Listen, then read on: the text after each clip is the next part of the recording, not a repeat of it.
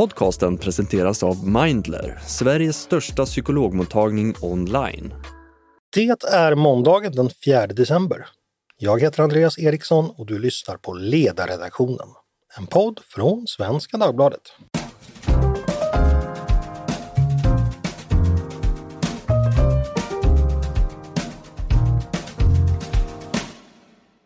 Varmt välkomna tillbaka till en ny vecka med oss på Ledarredaktionen. Vi ska börja med ett avsnitt om ganska mörka saker. De senaste åren har det talats mycket om hur fientliga krafter använder desinformation och påverkan för att underminera det svenska samhället. Här känner ni säkert igen. De här krafterna, som finns såväl inom som utom landets gränser, använder exempelvis olika typer av propaganda för att skapa splittring, minska förtroendet för samhällets institutioner och destabilisera demokratin. Läser man Säkerhetspolisens lägesbild hittar man exempelvis den här formuleringen. Utvecklingen i omvärlden innebär att hotet mot Sverige och det demokratiska systemet är omfattande. Såväl våldsbejakande extremister som främmande makt verkar för att destabilisera samhället. Vad betyder då detta konkret? Vem är det som ligger bakom den här typen av verksamhet? Hur går den här destabiliserade verksamheten till rent konkret? Och hur ska man som enskild medborgare förhålla sig till allt detta? Det ska vi prata om idag och jag är jätteglad att hälsa dagens gäst välkommen. Susanna Trehörning, chef för kontraterrorism och författningsskydd på Säkerhetspolisen. Varmt välkommen till ledarredaktionen. Tack så mycket. Du, det här är ett ganska komplext ämne, så jag tänkte börja jätteövergripande. När ni från Säpos, Säpos del talar om att destabilisera samhället, vad menar ni då?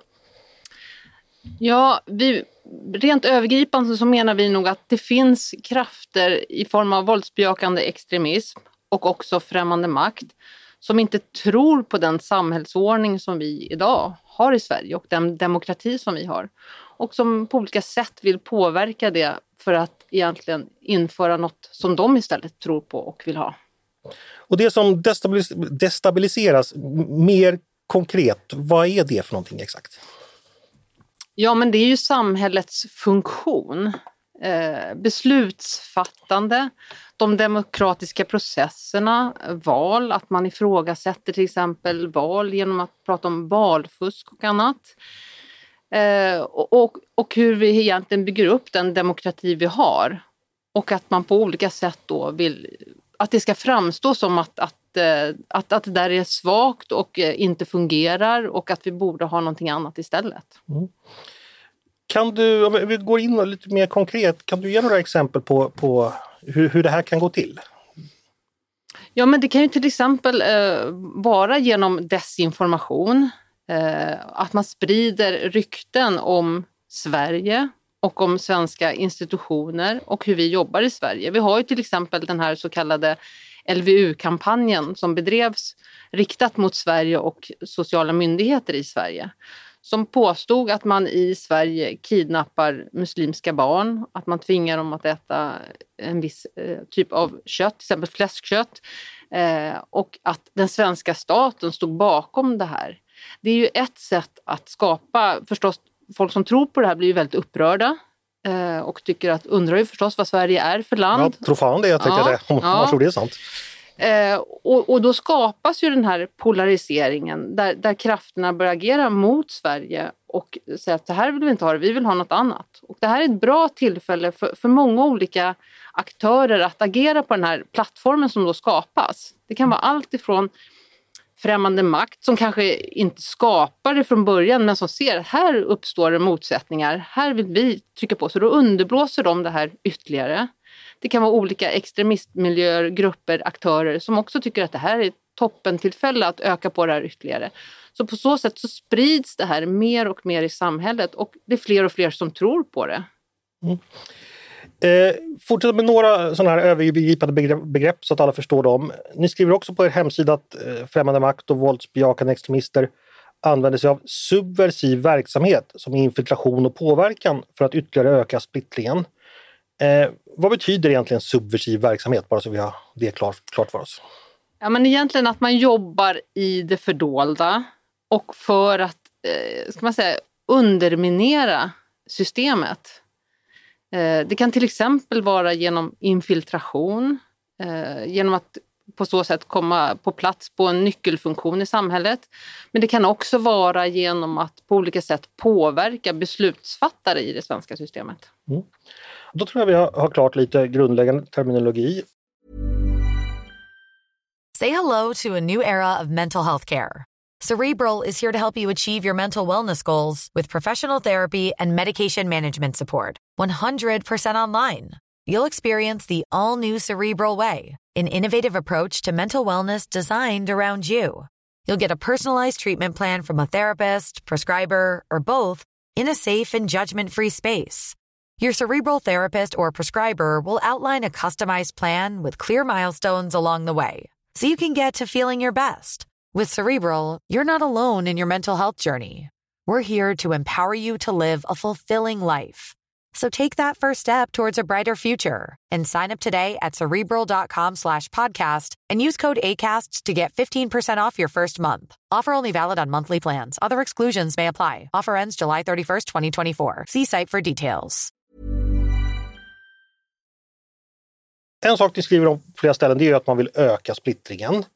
Vad finns det för poäng med det? Det är kanske självklart för er, men kanske inte självklart för alla. Varför vill våra fiender att vi ska splittras?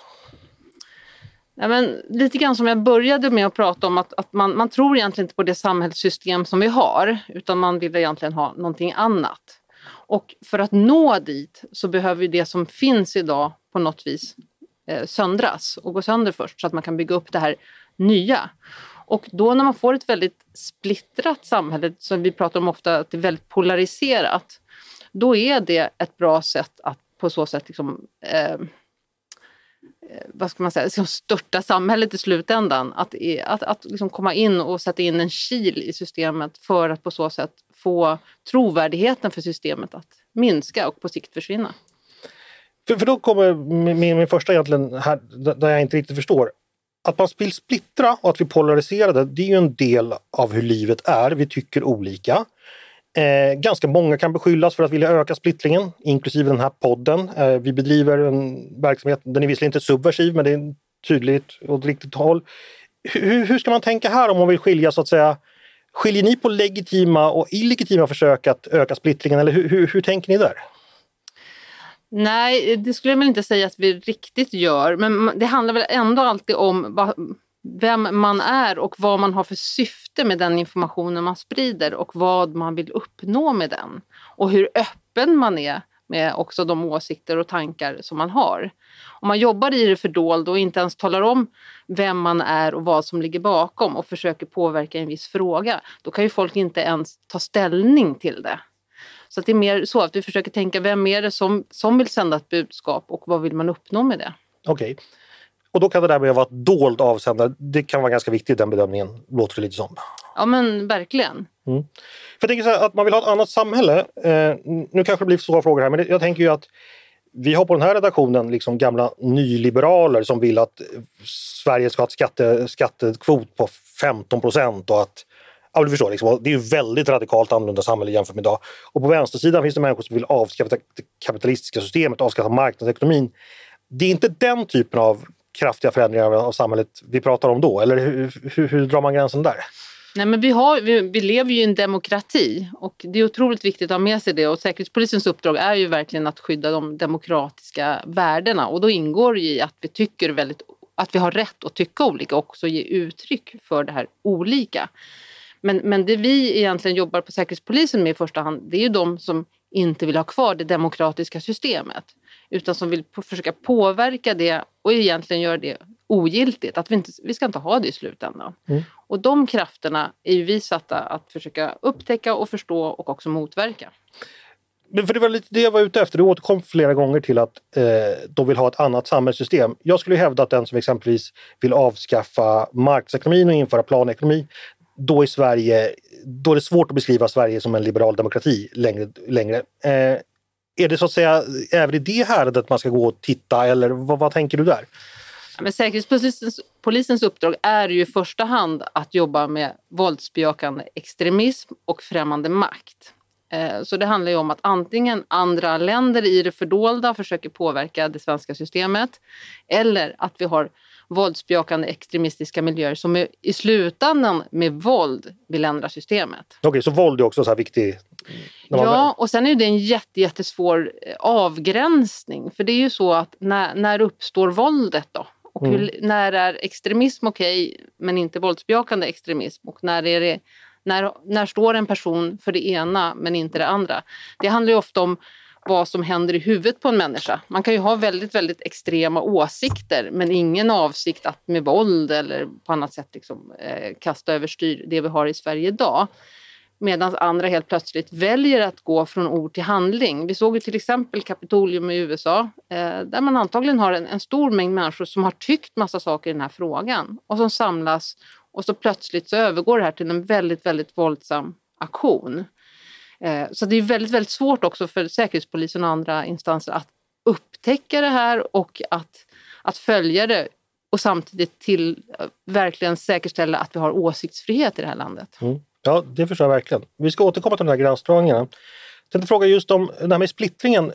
Finns det vissa frågor eller fält där så att säga vi är lättpåverkade, där det är lätt att orsaka splittring? Du nämnde exempelvis det här med LVU. Finns det några andra ja, helt enkelt frågekomplex där, där man märker att där kan man stoppa en pinne i myrstacken och vi börjar springa runt så att säga? Ja, men det finns väl sådana frågor som engagerar väldigt, väldigt mycket. Och eh, där vi också blir liksom känslomässigt engagerade. Så, så till exempel migration, migrationsfrågan är ju en sån fråga. Miljöfrågan är absolut en sån fråga. Det kan handla också om rätten att skydda sig själv och sin boskap. Alltså det finns en mängd frågor som man kan peka på som är, ja men här vet vi att folk blir otroligt eh, känslomässigt engagerade. Där är det ju lättare, för det är någonstans det man, som är liksom, det man använder sig av det är att folk blir engagerade på ett känslomässigt plan. Det är då man kan få någon slags effekt i att folk också vill göra någonting som i slutändan kan bli väldigt farligt. Mm. Jo precis, för jag tänker ju att eh, det här brukar ibland beskrivas med termen kulturkrigsfrågor. så här, många är engagerade över sin privatekonomi men jag vet inte om man så här, Riksbankens räntebesked är väl inte riktigt sån här fråga som kanske orsakar jättemycket påverkan och desinformation. Jag vet inte, det, det krävs väl, tänker jag, att det ändå är någonting, det du beskriver, man engagerar sig och det rör det kommer nära så att säga. Eh, förstår du vad jag menar? Man skulle också kunna säga att till exempel ett utanförskap kan ju också vara sånt som gör att, att att man hamnar i de här tankebanorna. Så att om, om när det också går väldigt dåligt och man, ekonomin blir sämre, man förlorar jobbet. Det finns en mängd olika sådana saker som ändå gör att man hamnar i en svår situation i livet. Då blir man ju också sårbar för påverkan om vems fel är det här? För det är någonstans de krafterna som de här extremisterna använder sig av. Det är någonstans att det finns någon som är drabbad och det finns någon annan som har gjort fel. Och att man hela tiden ska försöka hitta rätt och fel eller vinnande lag eller förlorande lag. Att man hela tiden ska liksom, det är det som är polarisering. Det du beskriver, är ju, sidan, är ju, det du beskriver är ju det som också kallas medialogik i andra sammanhang. För det vet ju vi i media att man ska ha en vinnare och en förlorare, mm. man ska ha en skurk och en, ja. ett offer. Så det, det är ganska allmänmänskligt så att säga. Eh, en annan fråga jag tänkte, det rör det här med, eh, ni skriver så här också på, på er sida, att en del av aktiviteterna utgörs av spridande av desinformation som inte sällan utgår från konspirationsteorier om att staten är illegitim och korrupt. Konspirationsteorier återfinns även utanför de våldsbejakande extremistmiljöerna. Eh, extrema idéer och antistatliga narrativ har fått fäste i ett bredare samhällsskikt. Eh, jag tänkte bara börja med konspirationsteorier. Hur definierar du det och vilken roll spelar sådana i den här typen av, av, av desinformation? Ja, men konspirationsteorier har nog alltid funnits på olika sätt. Eh, men det handlar ju om, skulle jag säga väldigt, väldigt kort, om att någonstans kanske fånga upp eh, en samhällsdebatt och också någon, kanske en, en viss mått av någonting som är, är lite sant. Eh, och så vrider man det där lite grann till en ex extrem. Så. Eh, det finns många exempel. Corona, antivaccinationskonspirationsteorier eh, konspirationsteorier som fanns. Eh, det finns konspirationsteorier kring eh, val och valfusk. Eh, det finns en mängd olika konspirationsteorier. Och sen finns det gamla konspirationsteorier som har ja, flugit runt jorden många varv i flera hundra år kring olika grupperingar i världen och så vidare. Eh, när vi blir intresserade av det, det är ju när vi ser att det här går ihop med de våldsbejakande extremistiska grupperingarna. vi ser att, att de som har den ideologin, det är också, man kan säga lite grann som en, nästan en palett. Eh, förut var det lite grann att vi hade våldsbejakande islamism och vi hade våldsbejakande höger. Nu är det lite mer, det finns fortfarande kvar, men vi har ibland lite mer blandning av de här olika... Man är lite ideologi och så är man lite konspirationsteoretiker och så är man, tycker man att staten är rätt dålig och beter sig illa. Och så blir det här en blandning av missnöje och ideologi. Och mm. man känner till slut kanske att man behöver agera på det här. Att det här går ut för och nu behöver jag göra någonting. Men just en konspirationsteori, din eller er definition, vad är det för någonting? Ja, jag tror inte jag har någon bättre definition än den. Jag tror att det är samma som finns i samhället i övrigt. Säkerhetspolisen har ingen egen definition för konspirationsteori. Men, men den går ju ut på att som sagt återigen fånga en, en samhällsdebattsfråga, vrida den till eh, en, en modifierad sanning eller en helt osanning om ett visst fenomen eller en viss sakfråga. Mm, okay. För det tänker jag att eh, alltså, konspirationsteorier är ju inte nödvändigtvis osanna. Konspirationsteorin om att Gustav III mördades av en sammansvärjning i samhällets högre skikt, den var sann, exempelvis.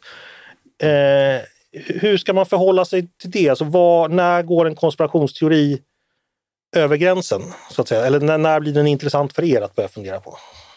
Ja, men återigen, så för Säkerhetspolisens del så blir det intressant när vi ser att den gifter sig framförallt med den våldsbejakande extremistiska ideologin. Och när man börjar vilja använda de här frågeställningarna för att red, eh, rekrytera, radikalisera ytterligare individer och för att på sikt egentligen antingen utgöra ett författningshot eller ett attentatshot mot Sverige. Mm. I det där citatet jag läste upp eh, skrev ni också att extrema idéer och antistatliga narrativ fått fäste i bredare samhällsskikt. Hur, hur mäter ni och märker det? Eller ja, hur det, vet ni det? Ja, men det är väl ingenting som vi mäter utan mer som vi kan konstatera att det, dels så är det ju så att det går ju väldigt, väldigt fort nu med nyhetsflödet.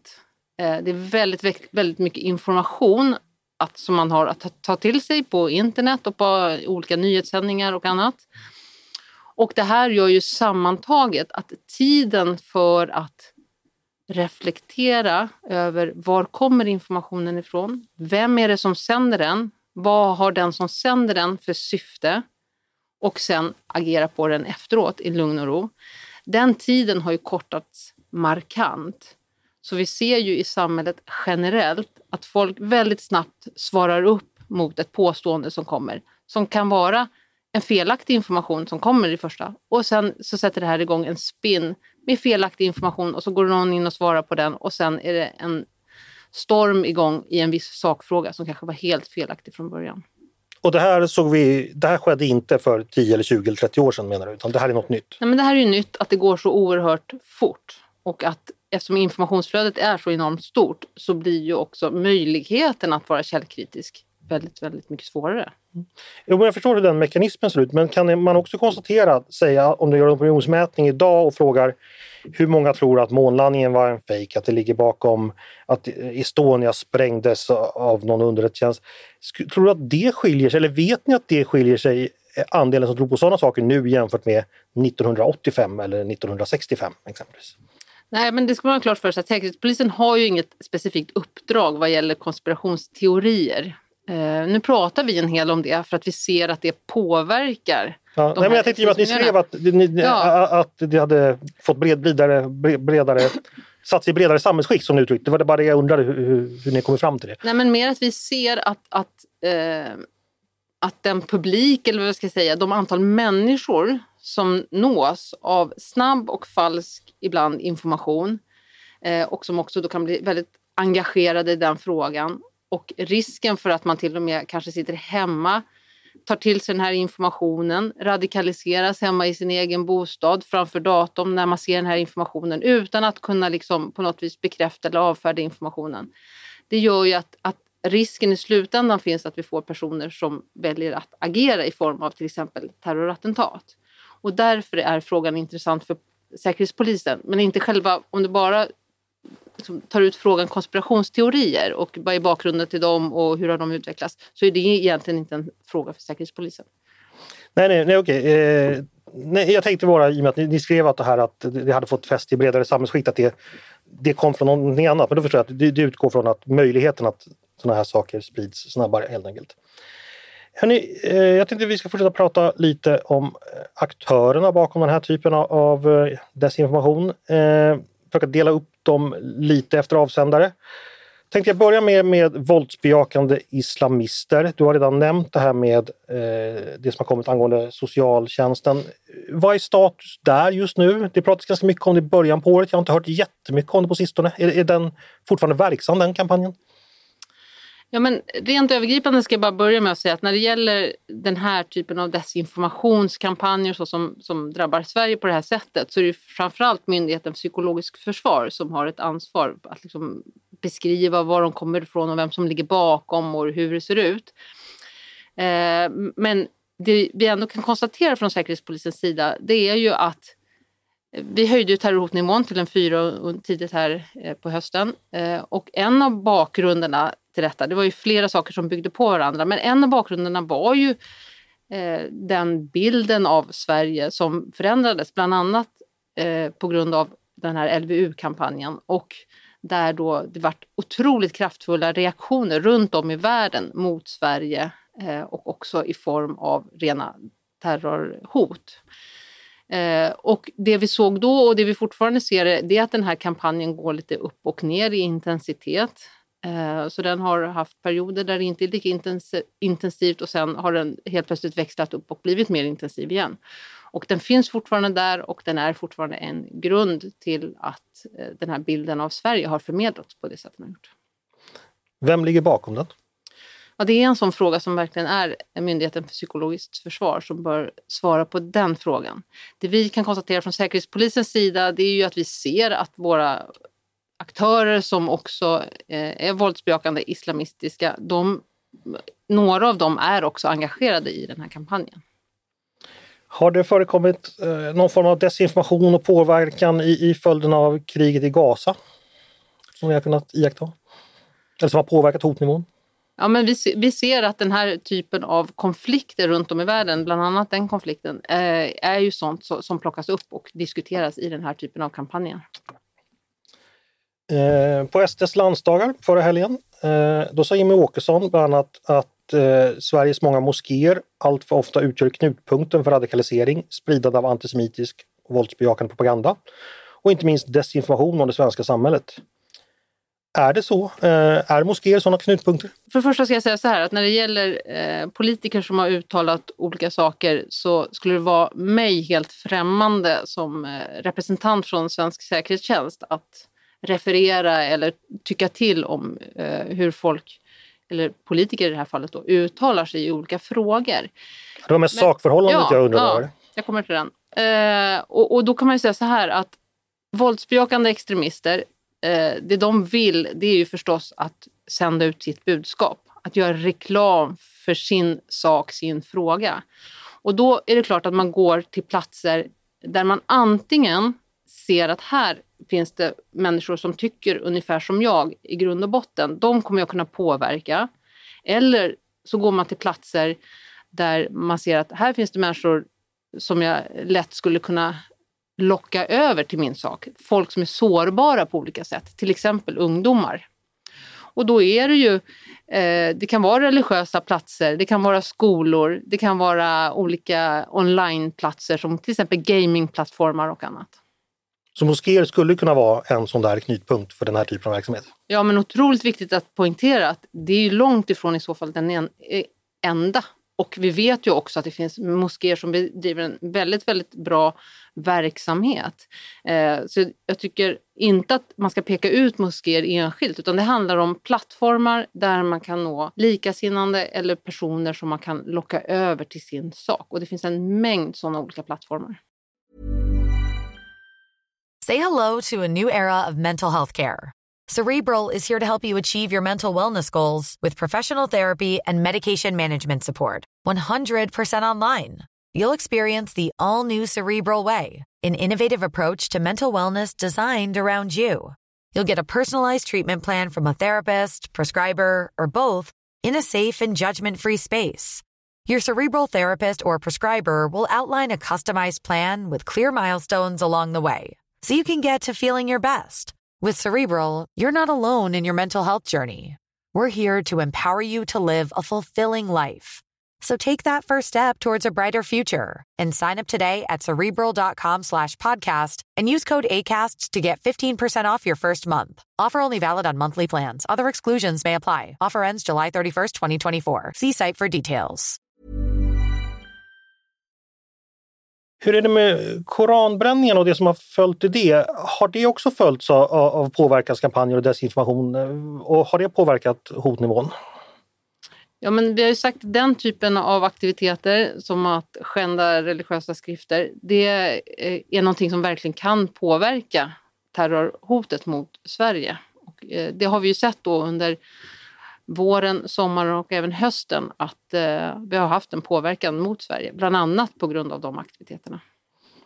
Någon sak jag glömde tidigare när jag frågade om, om Gazakriget. Eh, Amnesty gick ju tidigare ut i höst ut med ett budskap på sociala medier som gick ut på att statsministern eh, försvarat vad man då menade citat Israels rätt till folkmord. Man använde en, en felsägning och hävdade då att statsministern hade sagt detta. Hur påverkar den typen av budskap eh, de här miljöerna, hotmiljön, hotmiljön så att säga? Men återigen, en, en sån här fråga som Säkerhetspolisen inte bör svara på det är ju när olika organisationer och, eh, eller politiker ger uttryck för olika saker i den här debatten. Så jag vill helst inte svara på eller liksom referera de uttalandena. Men vi kan eh, ändra då. Om en organisation, vilken som helst, går ut och antyder att statsministern försvarar eh, Israels rätt till folkmord, hur påverkar det hotnivån? Man kan säga all all diskurs eller all, alla eh, typer av samtal som just nu äger rum kring de här eh, konflikterna som vi var inne på tidigare och som går ut på att skapa rätt eller fel. Eh, där är det ju så att, att, att man på något vis hjälper till att skapa det här. Det finns en rätt sida och det finns en fel sida. Eh, sen behöver vi ha en öppen debatt kring rätt och fel också. Så det här är ju otroligt svåra frågor. Vi måste kunna diskutera det och samtidigt så vet vi att samtalet också kan leda fram till att man ställer några i ett hörn och några i ett annat hörn. Mm. Eh, det, det är om islamism, eh, eller våldsbejakande islamism. Eh, vi ska gå vidare till en annan avsändare eh, och det handlar då om, om högerextrema. Förekommer det desinformation och påverkan från det hållet också? Hur ser den ut? Men jag skulle säga att generellt så är det så att alla extremistmiljöerna oavsett vilken det är. Och som jag sa lite grann tidigare så finns det också en mix nu av, det är inte bara det ena och det andra utan det finns en mix av ideologier och vad man står för. Alla de har ju i gemensamt att de vill sprida sitt budskap och de vill få fler anhängare. Så absolut. Mm. Men hur, hur, kan det se ut när det är så att säga, en högra extrem aktör bakom? Vad är det man vill få folk att tro på då? Ja, det är otroligt. Ibland, ibland kan det ju handla om, precis som vi pratade om tidigare, det kan handla bara om att skapa eh, den här känslan av att, att, det, att Sveriges system inte fungerar och att det behöver finnas någonting annat. Till att det är frågor kring migrationsfrågor eller annat. Finns det motsvarande påverkans och desinformationsförsök från extremvänsterhåll? Ja, men återigen så skulle inte jag sätta dem i specifika kolumner så här, eh, utan alla extremister som, som vill eh, någonting när det gäller det här, de, de, kommer att använda propaganda eller information för att försöka sända sina budskap. Jo, det förstår jag. Men, men kan det ändå inte finnas poäng i att dela upp det här i och med att en extremvänsterperson som vill underminera Sverige kanske säger på ett sätt och den kommer från extremhögern säger man på ett annat sätt. Så att bara skapa bättre förståelse. Finns det inte en poäng i det? Kanske att dela upp? Eller ni jobbar kanske inte alls så? Jo, men det är klart att vi eh, tittar på det också. Men det är ju det som är problemet, tänker jag också. Att man, man tittar på en information och så tror man att man ska veta exakt vem som ligger bakom den. Men så är det ju inte, utan när det finns en viss information som man ser skapar den här splittringen, så kan det vara så att ja, men då kan någon från den våldsbejakande islamistiska miljön mycket väl ha samma åsikt som någon från den våldsbejakande högerextrema miljön. För att i sak så bidrar det här till splittring och då gynnas de av samma budskap. Så att det är otroligt svårt att säga att just de här budskapen hör hemma i den här miljön, just de här budskapen hör hemma i den här miljön. Sen finns det såklart olika ideologier och om de tydligt uttalas då kan det möjligtvis vara så att man förstås ser eh, vem som ligger bakom. Det du beskriver, beskrev tidigare och lite nu också, det har jag också hört från andra håll, att eh, konspirationsteorier bygger på varandra. Att man, man, kan, man kan sätta ihop exempelvis eh, ja, men högerextrema idéer om folkutbyte och folkförrädare som styr landet kan mm. gå ihop med antivax-budskap, det kan gå ihop med klassisk antisemitism, det kan gå ihop... Alltså, stollerier tenderar att hänga på varandra. Eh, du har beskrivit att det fenomenet finns. Finns det något mer att säga om det? Är, är, kan man säga att det finns krafter som liksom slänger in vad skit som helst i brasan bara för att det ska brinna? Eller hur, hur ska man förstå så att säga the grand theory of konspirationer, att de bara blir haka på varandra om du förstår vad jag menar? Ja, men det tyckte jag var en bra sammanfattning. Eh, som vi sa lite grann, det finns ju också krafter i det här. I alla de här miljöerna finns det ju krafter som, som vi kallar för accelerationism, som ju handlar om att för att vi ska uppnå det här nya som vi vill ha. Vi tror inte på det samhället som är, vi vill uppnå det här nya. Då behöver det samhället som vi har idag lite grann förfalla. Och då gör vi vad vi kan för att det ska förfalla, för att det ska trasas sönder. Och då spelar det inte så stor roll, kanske i alla lägen i alla fall, vad sakfrågan är, utan det gäller bara att hitta någonting att hänga upp det på. En spelare som förstås är stor, det, är ju främmande makt som vill påverka och destabilisera Sverige. Eh, och ja, man hör ju ofta att eh, de samverkar eller i alla fall agerar parallellt med inhemska krafter. Vad finns att säga om eh, främmande makt? Eh, vem är det som agerar och hur? Jag ska bara börja med att säga att det är inte mitt expertområde. Men med det sagt så vet vi ju att främmande makt också gynnas av den här destabiliseringen. Så att de, när de ser eh, en möjlighet så kan de mycket väl kliva in och underblåsa till exempel en pågående konflikt. Eh, ja, just det. Va, va, rent praktiskt, vad, när vi beskriver det här med desinformation och påverkan, eh, många tänker förstås på sociala medier och så vidare.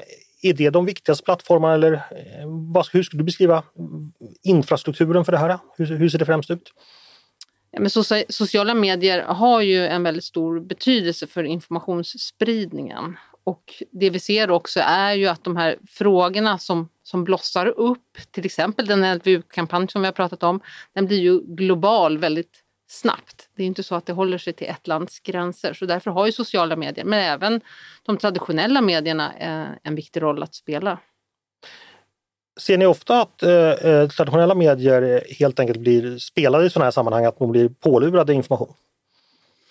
Jag skulle inte säga att, eh, jag ska återigen säga så här att det är nog eh, Myndigheten för psykologiskt försvar som svarar bäst på den frågan. Eh, men man kan väl bara säga att det finns ju förstås en risk att man i det här snabba nyhetsflödet också sprider information vidare, till exempel, som har kommit till den. Eh, det tänker jag att ni jobbar med dagligdags med olika former av källkritik och annat. Men det måste vara en av de absolut svåraste utmaningarna idag när det går så väldigt, väldigt snabbt. Eh, fortsätter med just sociala medier. Jag ägnar alldeles för mycket tid åt Twitter, eller X som det också kallas numera. Där ser jag extremt hög nivå vad gäller svenskspråkiga konton som försöker påverka opinionsmiljön.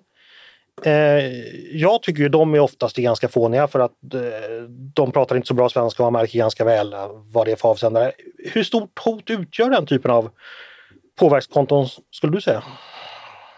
Nej, men att, att det uppstår olika konton och att man på det sättet når en otroligt stor mängd människor eh, har ju stor betydelse i spridningen av information. Absolut. Du tror inte folk ser igenom det för att de pratar knackig svenska, använder konstiga uttryck och använder liksom obsoleta teorier? Liksom. Eh.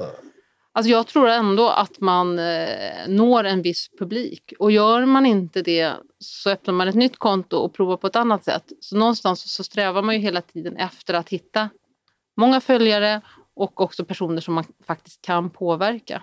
Mm.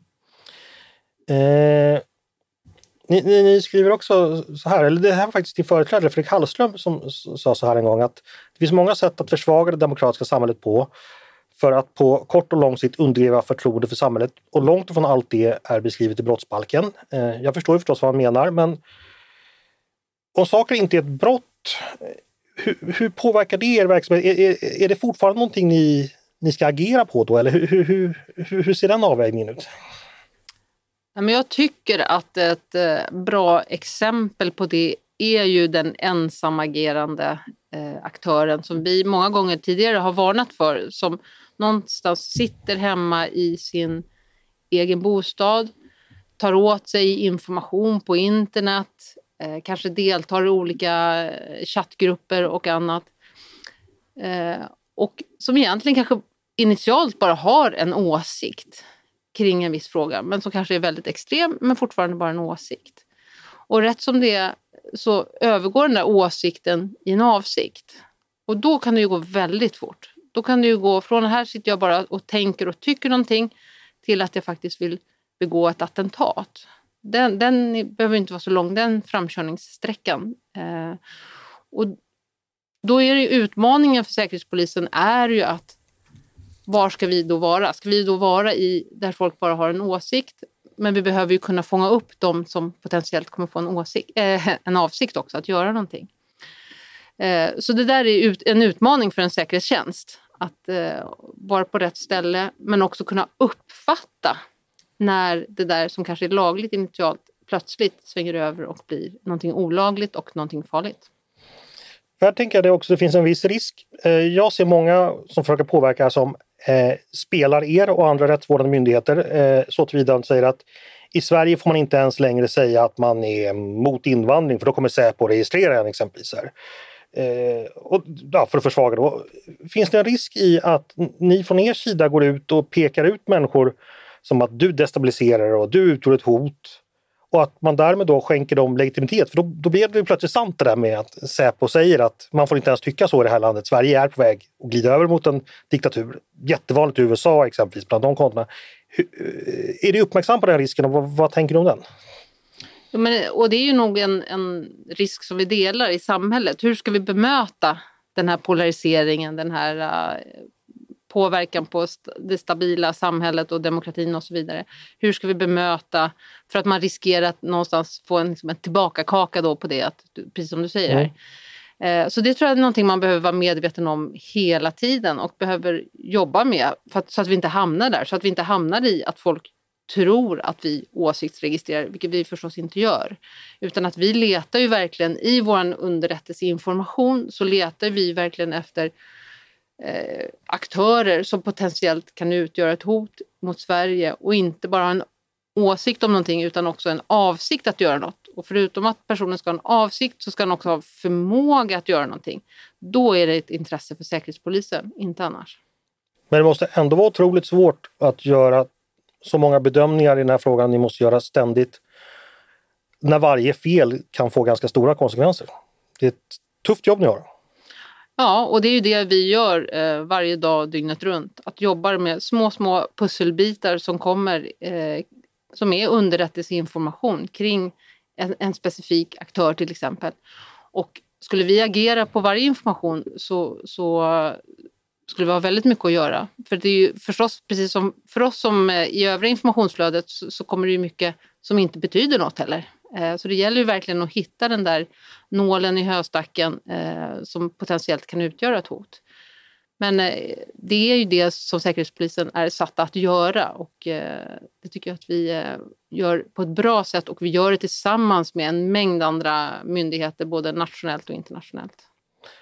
Har ni folk anställda exempelvis som har varit journalister, jobbat politiskt eller kommunikationsproffs och sådär? Ja, har ni kompetensen att bedöma och värdera vad som är desinformation och påverkan och vad som inte är det? Nej, och jag skulle säga att det är inte riktigt vårt uppdrag heller att, att, bedöma det. För återigen, så desinformation kan ju också vara, eller är nästan alltid, fullt lagligt. Och att försöka ägna tid och kraft åt att be, beskriva vad varje information är om den är rätt eller fel. Det är ingenting som Säkerhetspolisen gör. Utan det vi gör är ju att se också vad som händer i samhället och hur det påverkar hotet mot Sverige. Så därför följer vi mer fenomen skulle jag säga och vi försöker förstå hur det här påverkar hotet. Har ni kompetens att förstå det? Det är det vi är satta att göra. Vi ska snart se ihop det här. Jag ska bara fråga lite om det konkreta terrorhotet mot Sverige nu som din avdelning också sysslar med. Eh, hotbilden mot Sverige har successivt förändrats och attentathotet från aktörer inom våldsbejakande islamism har under året ökat. Sverige har gått från att betraktas som ett legitimt mål för terrorattentat till att betraktas som ett prioriterat mål, eh, sa säkerhetspolischef Charlotte von Essen när terrorhotsnivån höjdes i somras. Under hösten, hur har det hotet, har det hotet förändrats någonting? Man kan säga att när det beslutet togs, eh, jag tror det var den 17 augusti, så byggde det inte på en specifik händelse utan det byggde ju på en utveckling av hotet över tid. Och när vi tog det beslutet, eller säkerhetspolischefen tog det beslutet, då var det tänkt som en strategisk och långsiktig eh, bedömning. Och där ligger vi kvar. Vi har väl snarare fått bekräftat under hösten att vi ligger eh, helt rätt i att ligga i en fyra. Och, eh, det är i och för sig någonting som fortlöpande bedöms om vi ska ligga kvar där. Men i nuläget så ligger vi kvar på en fyra. Hur ser ni på Säkerhetspolisen på att svenskar firar ett terrordåd i utlandet med att skjuta fyrverkerier och ha bilkorteger där man helt enkelt hyllar det? Ja, om jag då får tillåta mig att bli lite personlig i några sekunder så skulle jag säga att alla typer av firanden som är på grund av att man har dödat, kidnappat eller på annat sätt våldfört sig på civilbefolkning oavsett eh, i vilket land eller i vilken konflikt tycker jag är ganska osmakligt. Har eh, Hamas något stöd i Sverige? Vet vi någonting om det? Vi vet att det finns eh, aktörer i Sverige som stödjer terrororganisationer. Hamas är ju bedömd som en terrororganisation av EU och det är någonting som Säkerhetspolisen följer. Eh, och eh, Hamas är ju inget undantag från det. Hur ser hotbilden mot eh, judar och judiska institutioner ut i Sverige just nu? Har den ökat på grund av det som har skett i Gaza? Det här är något som fortlöpande bedöms och det är framförallt Polismyndigheten som bedömer de hoten. Eh, Säkerhetspolisen och polisen har ju en uppdelning så att Säkerhetspolisen ansvarar för skyddet av centrala statsledningen och eh, polisen eh, övriga mål kan man säga. Sen har vi ett väldigt, väldigt nära samarbete så det är någonting som vi följer och stödjer Polismyndigheten i. Okej, okay, men, men eh, har hotet mot eh, judar och judiska institutioner ökat efter kriget skulle du säga? Ja, men jag skulle säga att det är svårt att bedöma exakt vilka mål som olika aktörer kommer att vända sig mot. Vi har en ökad terrorhotnivå som är alltså ett högt hot. Exakt vad aktörerna kommer välja att gå mot för mål är alltid otroligt svårt att, att säga. Man får nästan luta sig mot eh, det var sagt tidigare kring att det kan handla om mål i publika miljöer, det kan handla om mål där det befinner sig många personer och då kan judiska eh, intressen vara ett potentiellt mål. Jo, det förstår jag, men då, det finns inte någon förhöjd eh, hotbild mot dem just för att de är judiska med anledning av eh, kriget i Gaza? Men jag kan inte svara på den frågan så generellt utan det behövs göra en mer specifik bedömning av olika mål. En specifik fråga. Kan man som jude bära synliga judiska symboler och känna sig säker överallt i Sverige enligt Säkerhetspolisens bedömning? Alltså det här är ju en fråga som... Man kan ställa samma fråga då om man kan bära till exempel svenska flaggan utomlands eller om man kan bära de här gula tröjorna vid fotbollsmatcher och så vidare. Det är ju någonting som vi behöver bedöma, eller var och en behöver bedöma utifrån var man är, i vilket sammanhang man är och eh, om man känner sig trygg med det eller inte. Det, det måste man liksom fundera ett varv kring själv. Men jag skulle säga så här övergripande att eh, vi har ju sagt att man i Sverige ska försöka leva så vanligt som möjligt men vara medveten om det hotet vi har och det gäller ju den här frågan också. Men i den processen att fundera själv kan ju vara att man, man, man frågar de myndigheter som man betalar, som skattebetalarna finansierar för att bedöma säkerhetshot. Så då kanske man frågar Säkerhetspolisen, kan jag som jude bära synliga judiska symboler och känna mig trygg överallt i Sverige? Och vad är Säkerhetspolisens svar då, om man, man söker er expertkunskap där helt enkelt? Ja, men då, vi kommer inte svara specifikt på det, för om vi säger att nej, just det här kan du inte ha eller just det här kan du ha, så, så innebär ju det att då får vi stå till ansvar också för förstås om, om det händer något där men inte där. Eh, och det går inte, återigen, det går inte att säga var terrorn kommer att slå till. Den är oberäknelig. Den slår där det finns sårbarheter. Och exakt var det är och mot vilka det är, den frågan går aldrig att svara på. Det är liksom en del av deras eh, tillvägagångssätt. Eh, bara som avslutning, finns det någonting du vill tillägga som du tycker är viktigt att lyssnarna har med sig när de tänker just kring de här frågorna vi har diskuterat? Men jag tänker att det är viktigt att ha med sig, det här vi pratar om på slutet nu, vad betyder det här för mig? Att vi har en hög terrorhotnivå.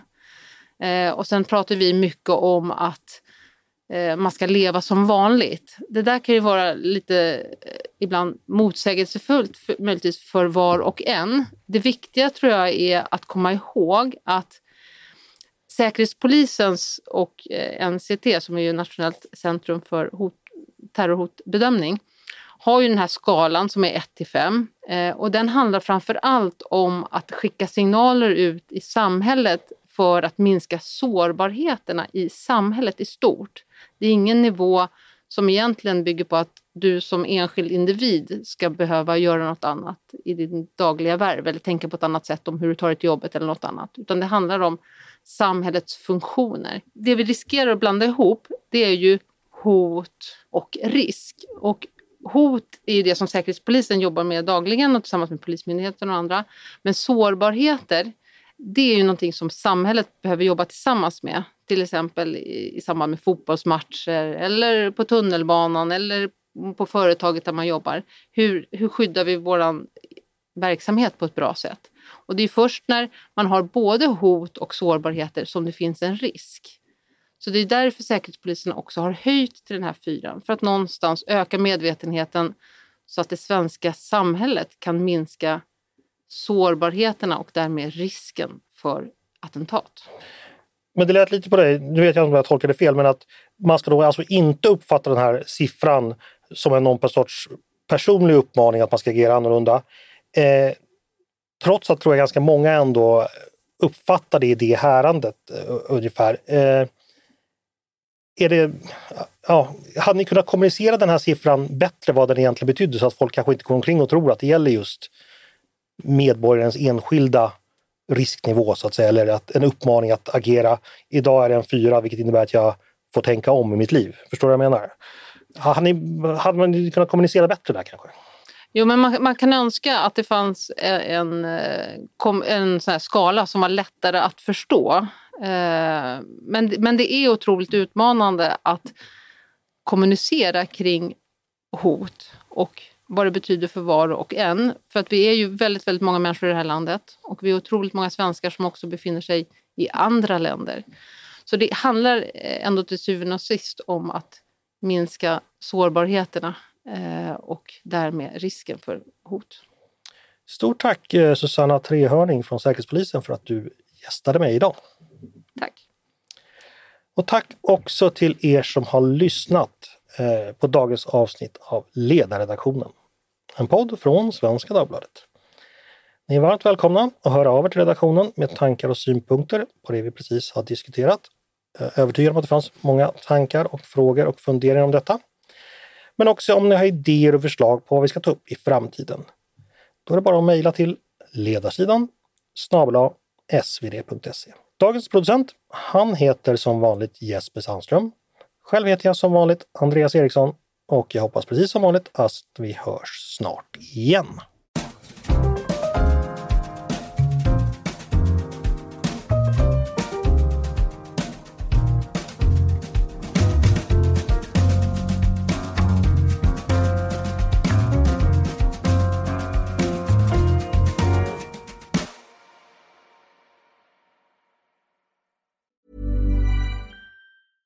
Selling a little or a lot? Shopify helps you do your thing however you cha-ching. Shopify is the global commerce platform that helps you sell at every stage of your business. From the launch your online shop stage to the first real life store stage, all the way to the did we just hit a million orders stage. Shopify is there to help you grow. Shopify helps you turn browsers into buyers with the internet's best converting checkout. 36% better on average compared to other leading commerce platforms because businesses that grow grow with Shopify. Get a $1 per month trial period at shopify.com/work. shopify.com/work.